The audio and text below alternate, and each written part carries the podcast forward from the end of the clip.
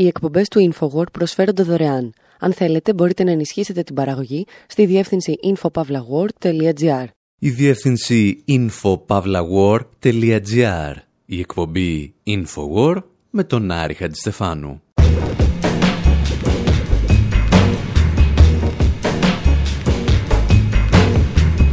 όπου σήμερα παρουσιάζουμε ένα ακόμη τμήμα από το project Make the Economy Scream μια σειρά μεγάλων δημοσιογραφικών αποστολών σε όλο τον κόσμο, η οποία πραγματοποιείται χάρη στη δική σας οικονομική ενίσχυση.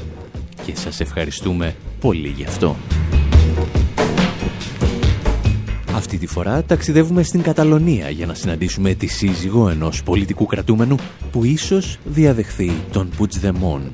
Και μαθαίνουμε με έκπληξη ότι είμαστε παράνομοι ως δημοσιογράφοι αν χρησιμοποιούμε τον όρο πολιτικός κρατούμενος. Συζητάμε για δημοσιογράφους που δέχονται απρόσκλητες επιθέσεις από την αστυνομία και τραγουδιστές που θυμούνται τα σκοτεινά χρόνια της δικτατορίας του Φράνκο. Συναντάμε έναν περίεργο κύριο με παπηγιόν στη Γενέβη, ο οποίος μετά από εμάς συνάντησε τον Πουτσδεμόν και ύστερα τον συνέλαβαν. Τον Πουτσδεμόν, όχι τον κύριο με το παπηγιόν. Ανάβουμε το φακό του κινητού μας μαζί με δεκάδες χιλιάδες Καταλανούς και τραγουδάμε έναν ύμνο, όπως ακριβώς ακουγόταν και στα χρόνια του Ισπανικού εμφυλίου. Πρώτα όμως γιορτάζουμε τα γενέθλια ενός τραγουδιού που φέτος κλείνει μισό αιώνα ζωής. La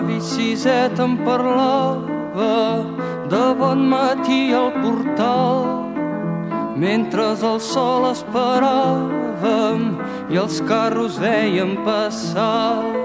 Siset que no veus l'estaca a on estem tots lligats.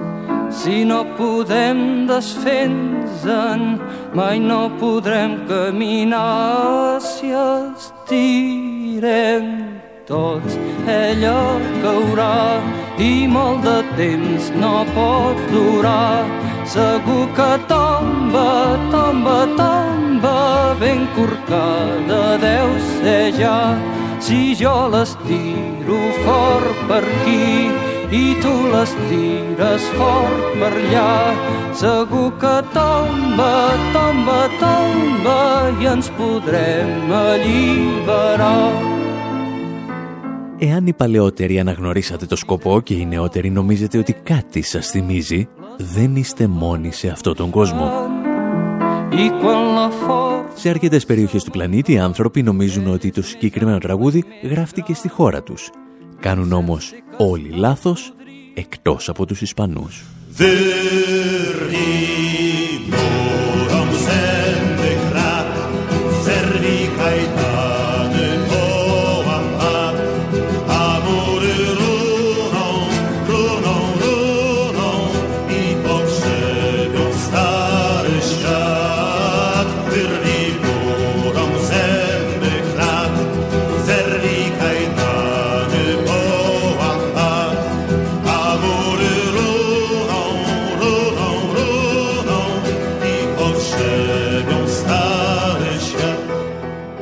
Αρκετοί Πολωνοί, παραδείγματος χάρη, νομίζουν ότι το τραγούδι το έγραψε ο Γιάζεκ Κατσμάρσκι το 1978 και το πίστευαν γιατί το χρησιμοποιούσε το κίνημα αλληλεγγύη του Λεχ Βαλέσα σχεδόν σε όλες τις συγκεντρώσεις του. Και ύστερα ήρθε και η επανάσταση της Τινησίας να υιοθετήσει το τραγούδι σαν έναν από τους ύμνους της. Αυτή τη φορά με το όνομα Ντίμα Ντίμα. Εδώ με τη συνεργασία του Γιασέρ Τζεράντι με την Λακατζίνα.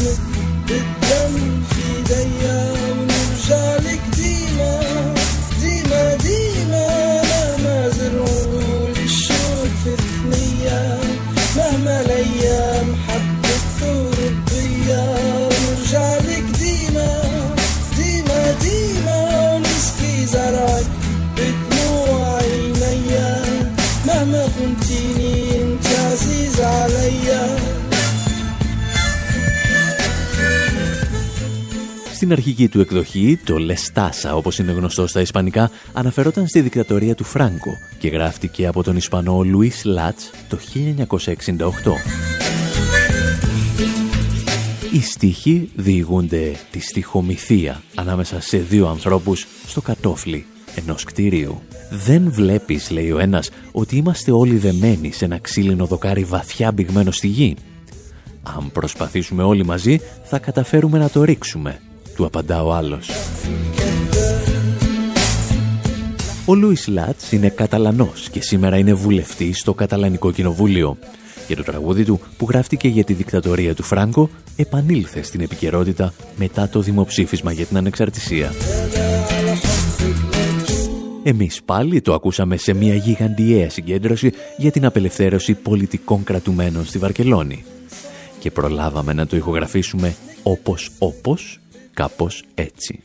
Tant de bo que ens sentin tots quatre. Si estirem tot, ella caurà i molt de temps no pot durar. Segur que tomba, tomba, tomba, ben cortada deu ser ja. Si tu l'estires fort per aquí i jo l'estiro fort allà. Segur que tomba, tomba, tomba i ens podem alliberar. Η συγκέντρωση ήταν πραγματικά μεγαλειώδης και οι παρευρισκόμενοι ζητούσαν την άμεση απελευθέρωση των βουλευτών που κρατούνται από τις Ισπανικές αρχές, γιατί στήριξαν το δημοψήφισμα της ανεξαρτησίας. Και κάντε λίγο ησυχία γιατί η ορχήστρα έχει κάτι ακόμη να μας πει.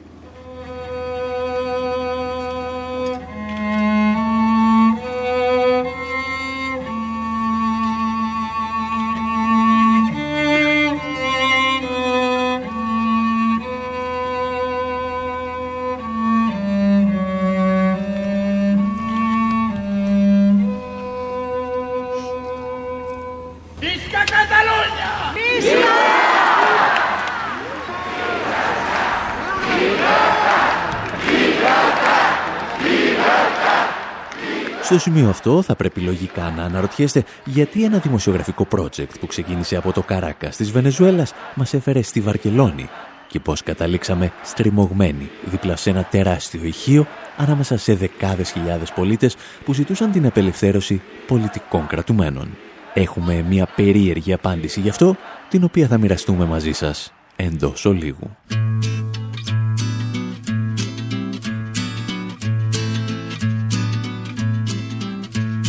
Όπως και να είναι ο κόσμος Όσα κι αν έχει στραβά Έστω κι αν μείνω πια μόνος Πάντα θα φεύγω μπροστά.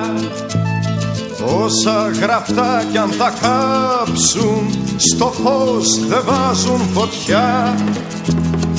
Όσες αλήθειες κι αν θάψουν λευτερημένη καρδιά όπως και να είναι τούτη γη θα με στην πρώτη τη γραμμή. Όπως και τώρα, τώρα, τώρα που είναι δυσεκτή καιρή. Όπως και να είναι τούτη γη θα με στην πρώτη τη γραμμή όπως και τώρα, τώρα, τώρα που είναι δυσεκτή καιρή. Όπως και να είναι ο κόσμος δεν θα σταθώ πουθενά. Δεν καρτεράει ο χρόνος πίσω ποτέ δεν γυρνά. Όπως και να είναι ο κόσμος θα τραγουδώ στη ζωή. Για να με ρέψει ο πόνος πρέπει να κλείσει πληγή. Όπως και να είναι τούτη γη θα με στην πρώτη τη γραμμή. Όπως και τώρα, τώρα, τώρα που είναι δισεκτή καιρή όπως και να με τούτη γη. Θα με στην πρώτη τη γραμμή όπως και τώρα, τώρα, τώρα που είναι δισεκτή καιρή. Όπως και να είναι ο κόσμος στην εκπομπή Infowar με τον Άρη Χατζηστεφάνου παρουσιάζουμε κομμάτια από το μεγάλο δημοσιογραφικό project Make the Economy Scream. Κάνε την οικονομία να ουρλιάξει. Ένα project που στηρίζεται αποκλειστικά στη δική σας οικονομική ενίσχυση και το οποίο θα ολοκληρωθεί με την παραγωγή ενός ντοκιμαντέρ μέσα στο 2018. Και αν θέλετε να συνδράμετε και εσείς, θα βρείτε τον τρόπο στη διεύθυνση info.pavlawar.gr και στο maketheeconomyscream.com Στο ερώτημα τώρα πώς τα γυρίσματα ενός ντοκιμαντέρ που ξεκίνησε στη Βενεζουέλα μας έφεραν στη Βαρκελόνη, η απάντηση σχετίζεται με έναν περίεργο κύριο που ζει στη Γενέβη.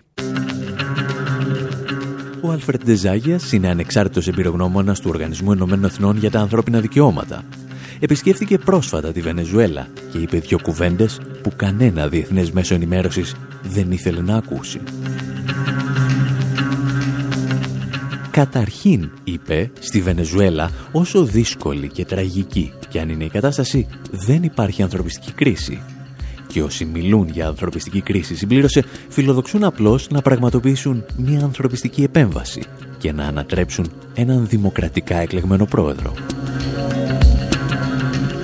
Ο Ντεζάγιας όμως είπε και κάτι ακόμη που μας έκανε εντύπωση. Στη Βενεζουέλα, λέει, δεν υπάρχουν πολιτικοί κρατούμενοι. Υπάρχουν όμως στην καρδιά της Ευρωπαϊκής Ένωσης. Certainly, a considerable number of persons who are detained were detained in connection with δεν υπάρχει αμφιβολία ότι μεγάλος αριθμός ανθρώπων που βρίσκονται υποκράτηση στη Βενεζουέλα συνελήφθησαν για βίαιες πράξεις. Εάν σε μια διαδήλωση πετάς μολότοφ, πέτρες και σφαίρες ή ακόμη και σκατά, γιατί το ακούσαμε γι' αυτό, θα αντιμετωπίσεις κατηγορίες με βάση το ποινικό δίκαιο κάθε χώρας. Άνθρωποι λοιπόν που συνελήφθησαν με αυτές τις κατηγορίες δεν εντάσσονται στην κατηγορία του πολιτικού κρατούμενου.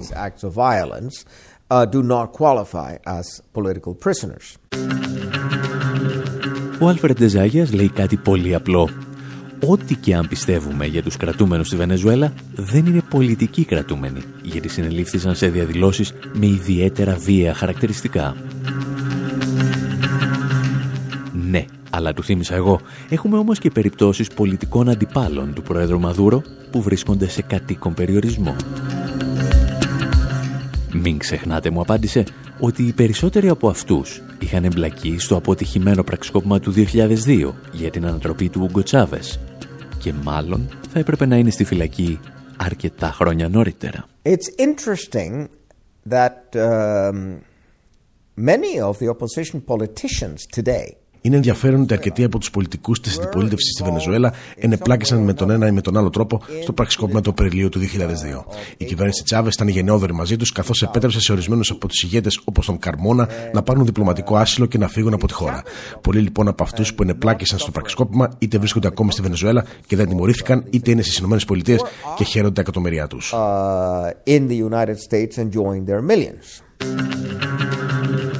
Σύμφωνα λοιπόν με τον ειδικό εμπειρογνώμονα του ΟΗΕ για τα ανθρώπινα δικαιώματα, οι κρατούμενοι στη Βενεζουέλα δεν εμπίπτουν στην κατηγορία των πολιτικών κρατουμένων.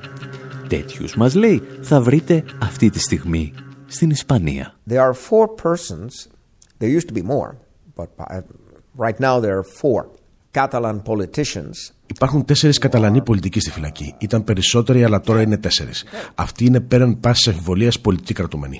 Ό,τι έκαναν εμπίπτει στο πλαίσιο της νομικής πολιτικής δράσης. Ενώ δηλαδή στη Βενεζουέλα πολλοί από τους κρατούμενους συνελήφθησαν λόγω βίων περιστατικών, στην Καταλωνία συνελήφθησαν επειδή εξέφραζαν τη θέλησή τους για ανεξαρτησία. Και φυσικά επειδή οργάνωσαν ένα δημοψήφισμα. And, of course, they organized, uh, a referendum.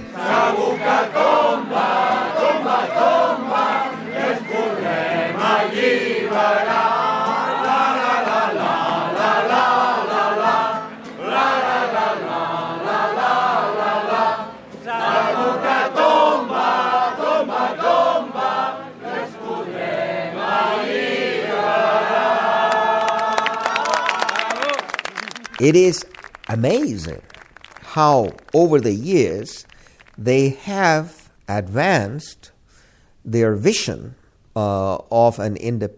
Είναι εκπληκτικό πως αυτοί οι άνθρωποι προώθησαν το όραμά τους μέσα από δημοκρατικές και ειρηνικές διαδικασίες. Δεν χρησιμοποίησαν βία ακόμη και όταν τους προκάλεσαν. Σκεφτείτε μόνο τα γεγονότα της 1η Οκτωβρίου στη Βαρκελόνη και τη βία που χρησιμοποίησε το Ισπανικό κράτος για να συνθλίψει τον καταλανικό λαό και τη βούληση 2 εκατομμυρίων ανθρώπων να ψηφίσουν. Δεν υπάρχει τίποτα πιο δημοκρατικό από ένα δημοψήφισμα. Δεν υπάρχει τίποτα πιο δημοκρατικό από την ψήφο. Είναι σοκαριστικό ότι η κυβέρνηση της Ισπανίας τα ποινικοποιεί. Έρχεται σε αντίθεση με το άρθρο 2 της συνθήκης της Λισαβόνας of the uh, Treaty of Lisbon. What has happened in uh, Spain is so much worse than what has happened in Poland or in Αυτό που συνέβη στην Ισπανία είναι πολύ χειρότερο από ό,τι συνέβη στην Πολωνία ή στην Ουγγαρία ή στη Σλοβακία ή στην Τσεχία. Ενώ όμως οι Βρυξέλλες προσπαθούν να επιβάλλουν τη θέλησή του στην Ουγγαρία ή την Πολωνία, μένουν σοπηλέ για την Καταλωνία. Keep silent about Catalonia. Ο Καταλάνο, porta mi via O vela chao, vela chao, vela chao, chao, chao, catalano, porta mi via, mi more. Si yo muero, déjame Oh, vela chao, vela chao, vela chao, chao, chao, si yo muero, de catalano, no me llegues. Se Και έτσι λοιπόν, εμείς που ξεκινήσαμε να κάνουμε ένα ντοκιμαντέρ για τη Βενεζουέλα, βρεθήκαμε μερικές εβδομάδες αργότερα στο κέντρο της Βαρκελόνης να ακούμε μια καταλάνικη εκδοχή του Μπελατσάο, προσαρμοσμένη, όπως ακούτε, στην μετά το δημοψήφισμα εποχή. Ταξιδέψαμε λοιπόν μέχρι τη Βαρκελόνη για να διαπιστώσουμε εάν πραγματικά υπάρχουν πολιτικοί κρατούμενοι στην καρδιά της Ευρωπαϊκής Ένωσης. Και εκεί στη Βαρκελόνη, ανάμεσα στους συγκεντρωμένους, γνωρίσαμε και μία λεπτοκαμωμένη γυναίκα που παρακολουθούσε σιωπηλή, σαν να βρέθηκε σχεδόν κατά λάθος στη συγκέντρωση. Ήταν η Σουζάνα Μπαρέντα, σύζυγος του Τζόρντι Σάντσες, του ανθρώπου που σύμφωνα με αρκετούς αναλυτές, ίσως να αντικαταστήσει τον Κάρλες Ποτσδεμόν, σε περίπτωση που αυτός μείνει για πολύ περισσότερο στις γερμανικές φυλακές ή καταλήξεις στις ισπανικές φυλακές. Το μόνο πρόβλημα είναι ότι ο Σάντσες είναι και αυτός στη φυλακή και η γυναίκα του τον περιμένει ακόμη στη Βαρκελόνη. Αυτά όμως θα τα συζητήσουμε στο δεύτερο μέρος της εκπομπής. Εσείς να θυμάστε ότι αυτές οι αποστολές από το Καράκα στη Βαρκελόνη και από την Αθήνα στη Γενέβη εντάσσονται στο νέο δημοσιογραφικό μας project με τίτλο Make the Economy Scream. Κάνε την οικονομία να ουρλιάξει. Και επειδή, όπως μας συμβαίνει συνήθως, δεν βρήκαμε κανέναν που να ήθελε να μας στηρίξει οικονομικά, απευθυνθήκαμε σε εσάς. Και η πρώτη ανταπόκριση ήταν πραγματικά συγκινητική. Δεκάδες άτομα έχουν ήδη βοηθήσει οικονομικά μπαίνοντας στη σελίδα maketheeconomyscream.com και στο info.pavlawar.gr και τους ευχαριστούμε όσο δεν φαντάζεστε.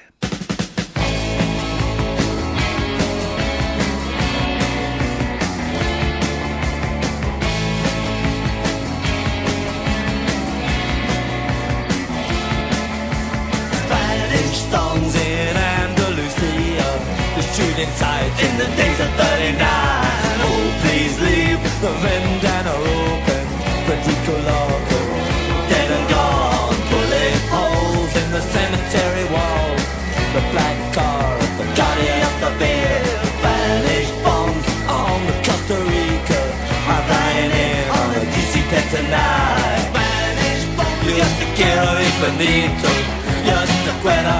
Oh my God, I thought. Spanish bombs, just a quitter, it's bonito, just a quitter. Oh my God, I thought. Spanish weeks in my disco casino, the freedom fighters.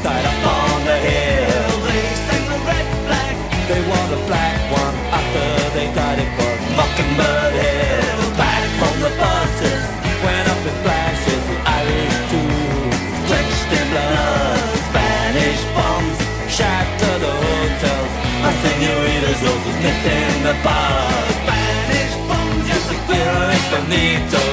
Used to get oh my god, I thought. Spanish bombs used to clear it the.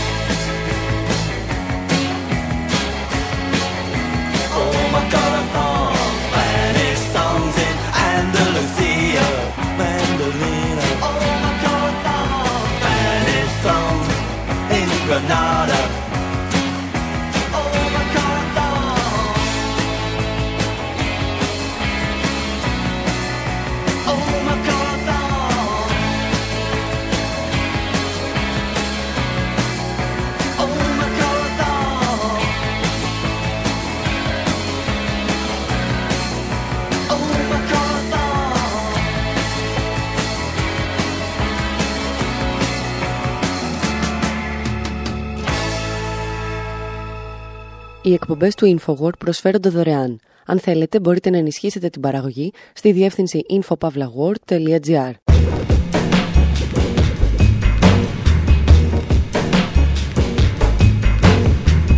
Εκπομπής Infowar, μέρος δεύτερο. Όπου συνεχίζουμε να περιδιαβαίνουμε στους δρόμους της Βαρκελόνης, επίσημη πρώτη του ανεξάρτητου δημοσιογραφικού project που χρηματοδοτείται αποκλειστικά από εσάς. Ξεκινήσαμε από το Καράκας της Βενεζουέλας. Περάσαμε από τη Γενέβη, όπου ένας κύριος με παπηγιόν μας είπε ότι δεν υπάρχουν πολιτικοί κρατούμενοι στη Βενεζουέλα. Υπάρχουν όμως στην Ισπανία. Και έτσι αποφασίσαμε να το διαπιστώσουμε και μόνοι μας. Θα ξεκινήσουμε όμως το δεύτερο μέρος της εκπομπής με τον Ισπανό ράπερ Βαλτόνιτς και το τραγούδι του «La Tuerca». Με την ελπίδα κανένας από το Ραδιοτηλεοπτικό Συμβούλιο να μην μιλάει Ισπανικά.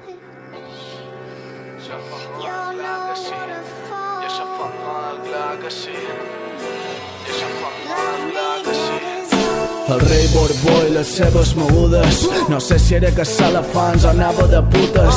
Són coses que no se poden explicar. Com que per fer de Diana empleava el seu germà. Ara el seu germanastre són els àrabs I li demana dos barets per comprar armes Li fan fer git i escurar els plats. I de mentre doña Sofia un ja té follant I això fa mal, clar que sí Farem que en un Dargarin corri un Burger King. Que la infanta Helena demani disculpes Per ser analfabeta i no anar a estudiar a Cuba. La situació me preocupa bastant Com mantenir dues famílies, la teva i la real. Aquest sistema no va ni avant ni enrere Perquè no se fractura el cap sinó la cadera Democràcia, me fa gràcia Juan Carlos de Borbón, currículum, mm, quasi. Això no és així, clar que no Però farem que begui l'Ambrusco i no Don Perignon. Si no sequestrarem el capità del Concòrdia perquè agafi el Fortuna i se pegui un hosti.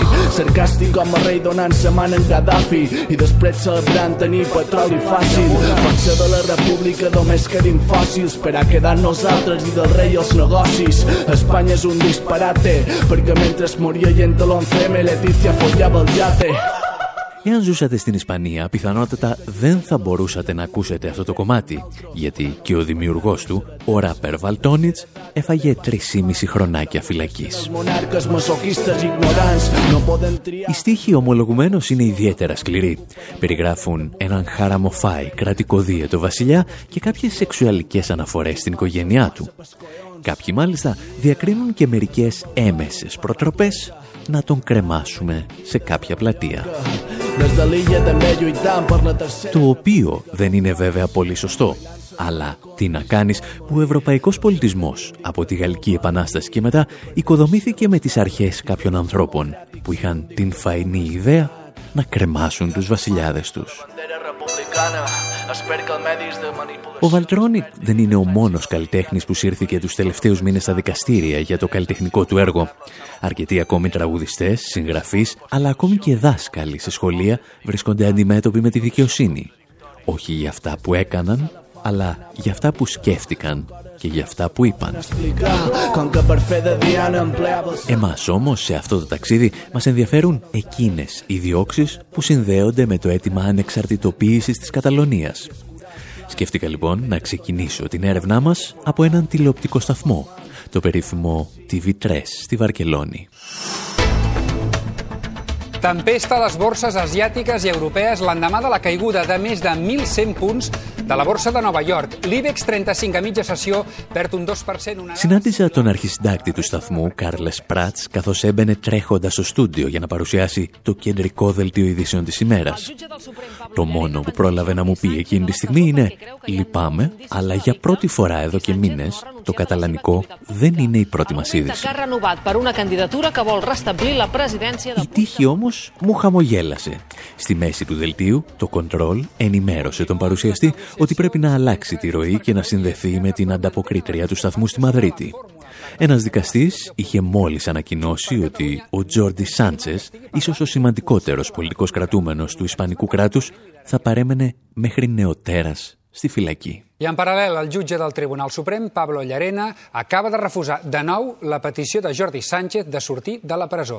Sí, el jutge Llarena fa només uns minuts ha dictat aquesta interlocutòria rebutjant la llibertat de Jordi Δεν ξέρουμε πόσο έχετε φρεσκάρει τα καταλανικά σας, αλλά αν προσέξετε, οι δημοσιογράφοι προσέχουν εξαιρετικά κάθε λέξη που χρησιμοποιούν. Όπως μου εξήγησε αμέσως μετά το δελτίο ο Κάρλες Πράτς, υπάρχουν ορισμένες λέξεις που απαγορεύεται να χρησιμοποιούν οι δημοσιογράφοι με εντολή δικαστή. Uh, there's a judicial entity called uh, Junta Electoral Central. Who said Υπάρχει μια δικαστική οντότητα που ονομάζεται Εκλογική Επιτροπή και η οποία καθορίζει ποιες λέξεις μπορούμε να χρησιμοποιήσουμε όταν μιλάμε για ανθρώπους που βρίσκονται στη φυλακή. Είναι κάτι με το οποίο εμείς οι δημοσιογράφοι διαφωνούμε, αλλά καλούμαστε να συμμορφωθούμε. Το έχουμε καταδικάσει δημοσίως. Έχουμε καταδικάσει τις απαγορεύσεις με τις οποίες καθορίζουν πώς θα κάνουμε τη δουλειά μας. Είναι αδύνατο για τη δημοκρατία στον 21ο αιώνα να πανεμβαίνουν με τέτοιο τρόπο. Φανταστείτε, παραδείγματος χάρη, εάν πολιτικοί και δικαστές άργησαν να λύνουν και στους γιατρούς πώς να κάνουν τη δουλειά τους. Μπορεί να σέβομαι τις αποφάσεις δικαιοσύνης, αλλά βρίσκουμε σε κατάσταση σοκ κάθε φορά που λαμβάνουμε τέτοιες εντολές organism telling journalists how they, they had to work.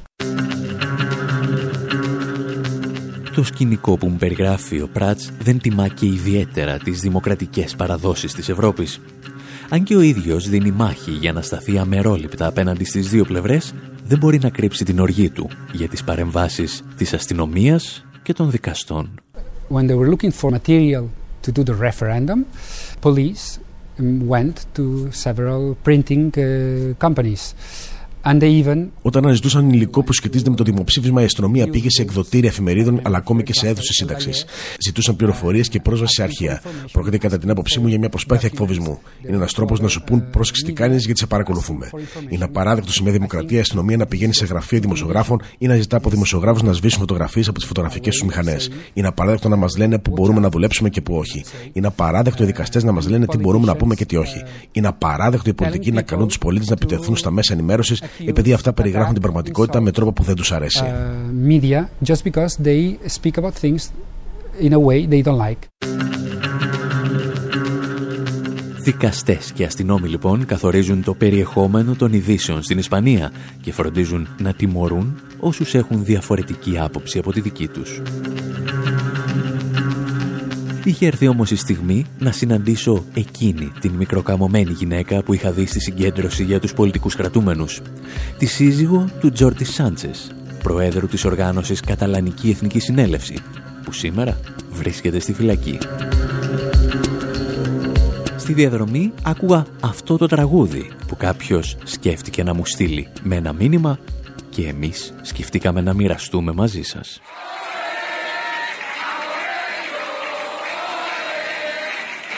Que debía haber estado rodeados por una compañía de carros de combate. Salgan ustedes inmediatamente de ahí porque vamos a volar el Parlamento. Han actuado con profesionalidad y de modo proporcional y proporcionado. Que no estem sols sota els cops i el cos blau. Al règim del 78 li fem un knockout. Qui cau s'aixeca com Carlos Fonseca i tanca el trau. Som les àvies ferides, som les manis on hi ha pau. Tot això és un cacau, seguim fent sarau. L'1 d'octubre defensem escoles com formigues al cau. Poder popular infinit contra l'elit dels palaus. Carmen Lamela, de la justícia et robarem les claus. De arme dau tare proști cu mințile goale Cu un simplu gând în cap, fără sens și nici valoare Se ascunde sub o mască fiindcă e mare Fiind potriva la un popor chiar în ziua de votare.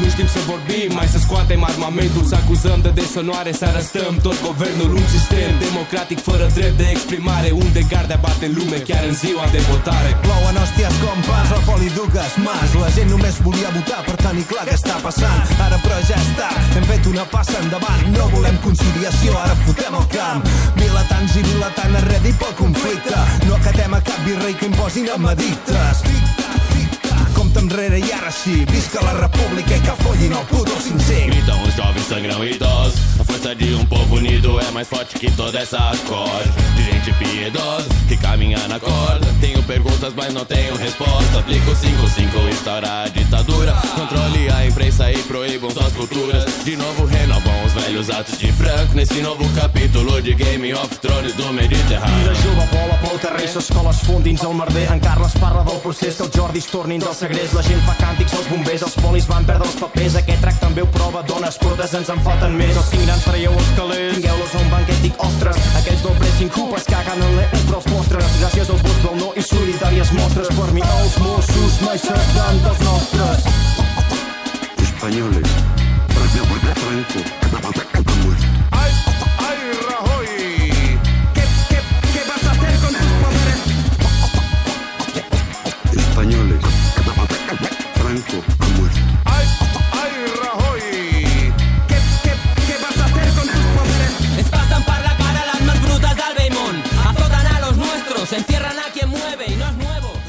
Η La που ακούτε, είναι μια κολεκτήβα ράπερ από την Καταλωνία, την χώρα των Βάσκων, τη Ρουμανία και τη Βραζιλία.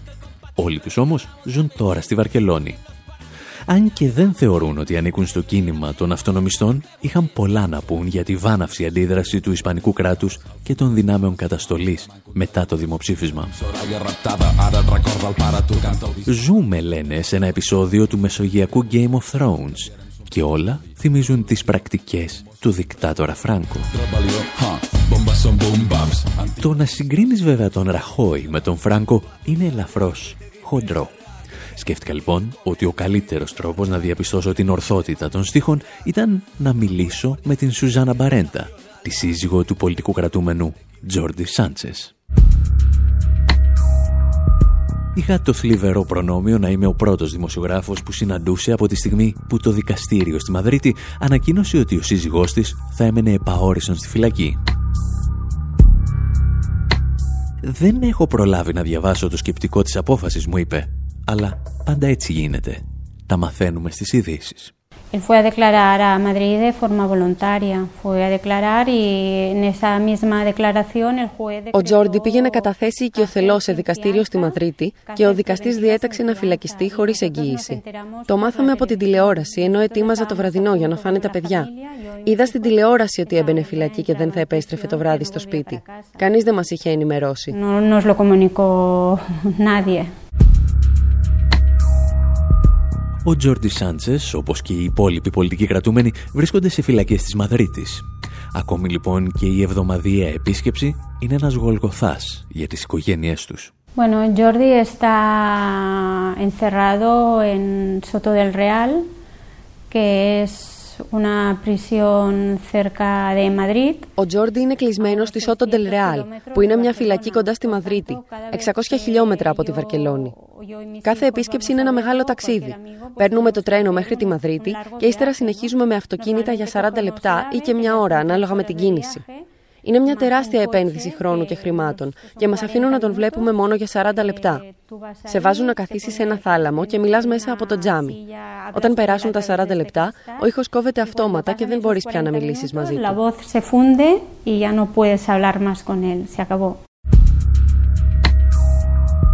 Η Σουζάνα Μπαρέντα μας μιλά με τρομακτική ψυχραιμία για την καθημερινότητά της, για την πενταμελή της οικογένεια που ξαφνικά έγινε τετραμελής και για τα τρία παιδιά που πρέπει να φροντίζει. Αυτό που δεν μπορεί να καταλάβει όμως είναι γιατί η Ευρωπαϊκή Ένωση αρνείται να αναγνωρίσει ότι ο σύζυγός της είναι ένας πολιτικός κρατούμενος του καθεστώτος Ραχώη. El Estado español y los jueces eh, se empecinan en decir que ellos no son presos políticos. Το Ισπανικό κράτος και οι δικαστές επιμένουν να λένε ότι δεν είναι πολιτικοί κρατούμενοι. Αλλά αν διαβάσεις τις δικογραφίες, είναι πασιφανές ότι βρίσκονται στη φυλακή για τις πολιτικές τους ιδέες. Και αυτό τους κάνει πολιτικούς κρατούμενους. Μου φαίνεται τρομερό στην Ευρώπη και σε αυτό τον αιώνα να εξακολουθούν να υπάρχουν άνθρωποι φυλακισμένοι για τις πολιτικές τους ιδέες. ideas políticas.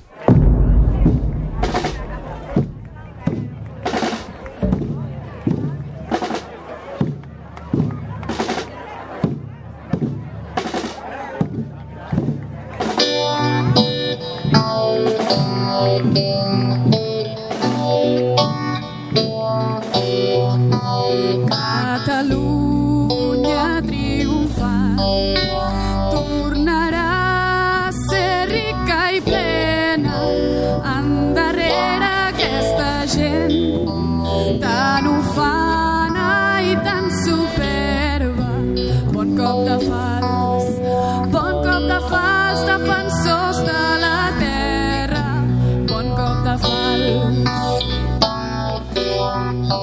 haré esto.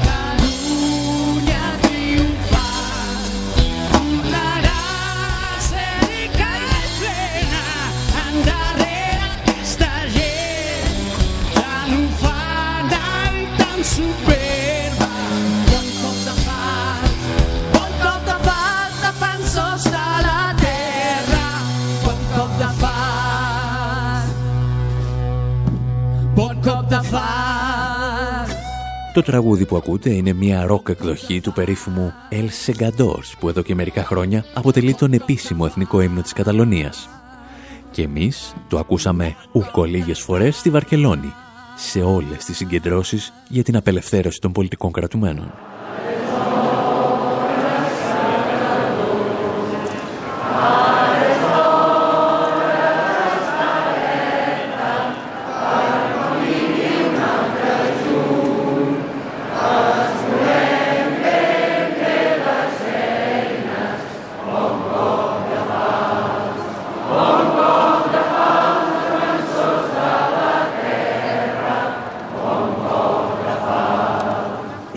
Ιστορικοί θα σας πούν ότι το τραγούδι έλκει την καταγωγή του από το μακρινό 1640, για τους περισσότερους Καταλανούς είναι συνδεδεμένο με τη δεύτερη Ισπανική Δημοκρατία και τον Ισπανικό εμφύλιο. Το πρόβλημα βέβαια όταν βάζεις σε οποιαδήποτε συζήτηση τις λέξεις «Ισπανικός εμφύλιος» είναι ότι μπορεί να ξυπνήσεις φαντάσματα και δαίμονες που δεν μπορούσες να φανταστείς ότι υπάρχουν. Όπως μας θύμισε πρόσφατα ο Γιώργος Μητραλιάς με κείμενό του στο site Κόντρα Χρέος, ένα από τα φαντάσματα που ξύπνησαν την περασμένη εβδομάδα ήταν και αυτό του Λουίς Κουμπάνης, του αριστερού ηγέτη της Καταλωνίας το 1934.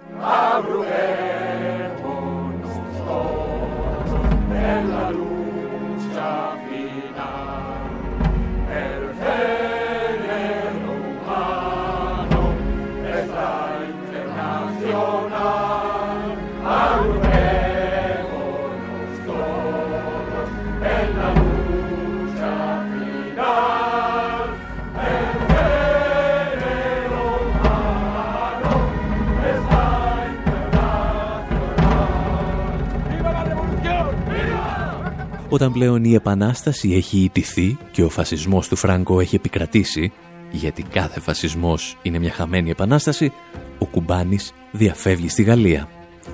Το 1940 όμως τα ναζιστικά στρατεύματα τον εντοπίζουν και τον συλλαμβάνουν και η Γκεστάπο τον στέλνει πίσω στην Ισπανία. Εκεί όπου ο Φράγκο θα τον στείλει απευθείας στο εκτελεστικό απόσπασμα. Και αυτή η ρημάδα ιστορία έχει την τάση να επαναλαμβάνεται σαν κακοστημένη φάρσα. Ο σημερινός δημοκρατικά εκλεγμένος ηγέτης της Καταλωνίας έφυγε εξόριστος στο Βέλγιο για να γλιτώσει από τις φυλακές του Ραχώη. Οι γερμανικές αρχές όμως τον συνέλαβαν και τώρα απειλούν να τον εκδώσουν στην Ισπανία για να δικαστεί και να καταδικαστεί στη Μαδρίτη. Bon, je crois qu'il faut, pour comprendre ce qui se passe en Catalogne, Είχαμε την τύχη να τον παρακολουθήσουμε σε μια ομιλία στη Γενέβη λίγα μόλις 24 ώρα πριν συλληφθεί. Επιχειρήσαμε μάλιστα να ζητήσουμε και μια συνέντευξη, αλλά μας πρόλαβαν οι δυνάμεις της Μέρκελ.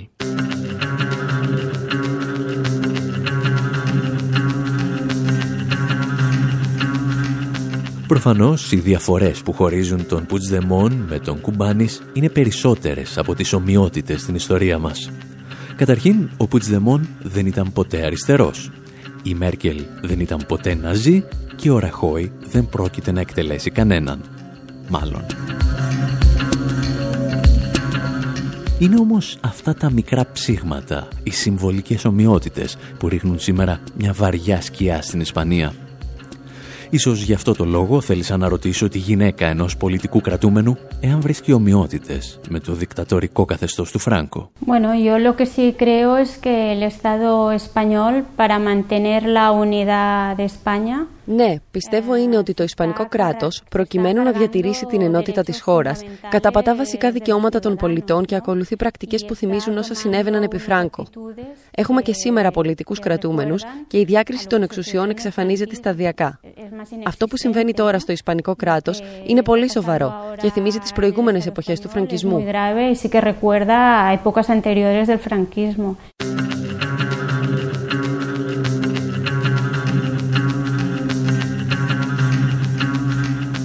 Και με αυτές τις ιστορίες για τον Φράγκο και τον Ραχώη, εμείς σας αποχαιρετούμε και από τη Βαρκελόνη. Αυτή η εκπομπή ολοκληρώθηκε χάρη στη δική σας συνδρομή. Χάρη στους πρώτους ακροατές και αναγνώστες μας που μας βοήθησαν οικονομικά στα πρώτα βήματα ενός μεγάλου project ανεξάρτητης δημοσιογραφίας. Αν θέλετε να μάθετε περισσότερα, δεν έχετε παρά να επισκεφτείτε τη διεύθυνση maketheeconomyscreen.com και φυσικά το info.pavlawar.gr Μέχρι το επόμενο ραδιοφωνικό ραντεβού μας, από τον Άρη Χατζηστεφάνου στο μικρόφωνο, την Μυρτώ Σιμεωνίδου και την Άννα Αλεξανδροπούλου στις μεταφράσεις και τον Δημήτρη Σταθόπουλο στην τεχνική επιμέλεια, γεια σας και χαρά σας.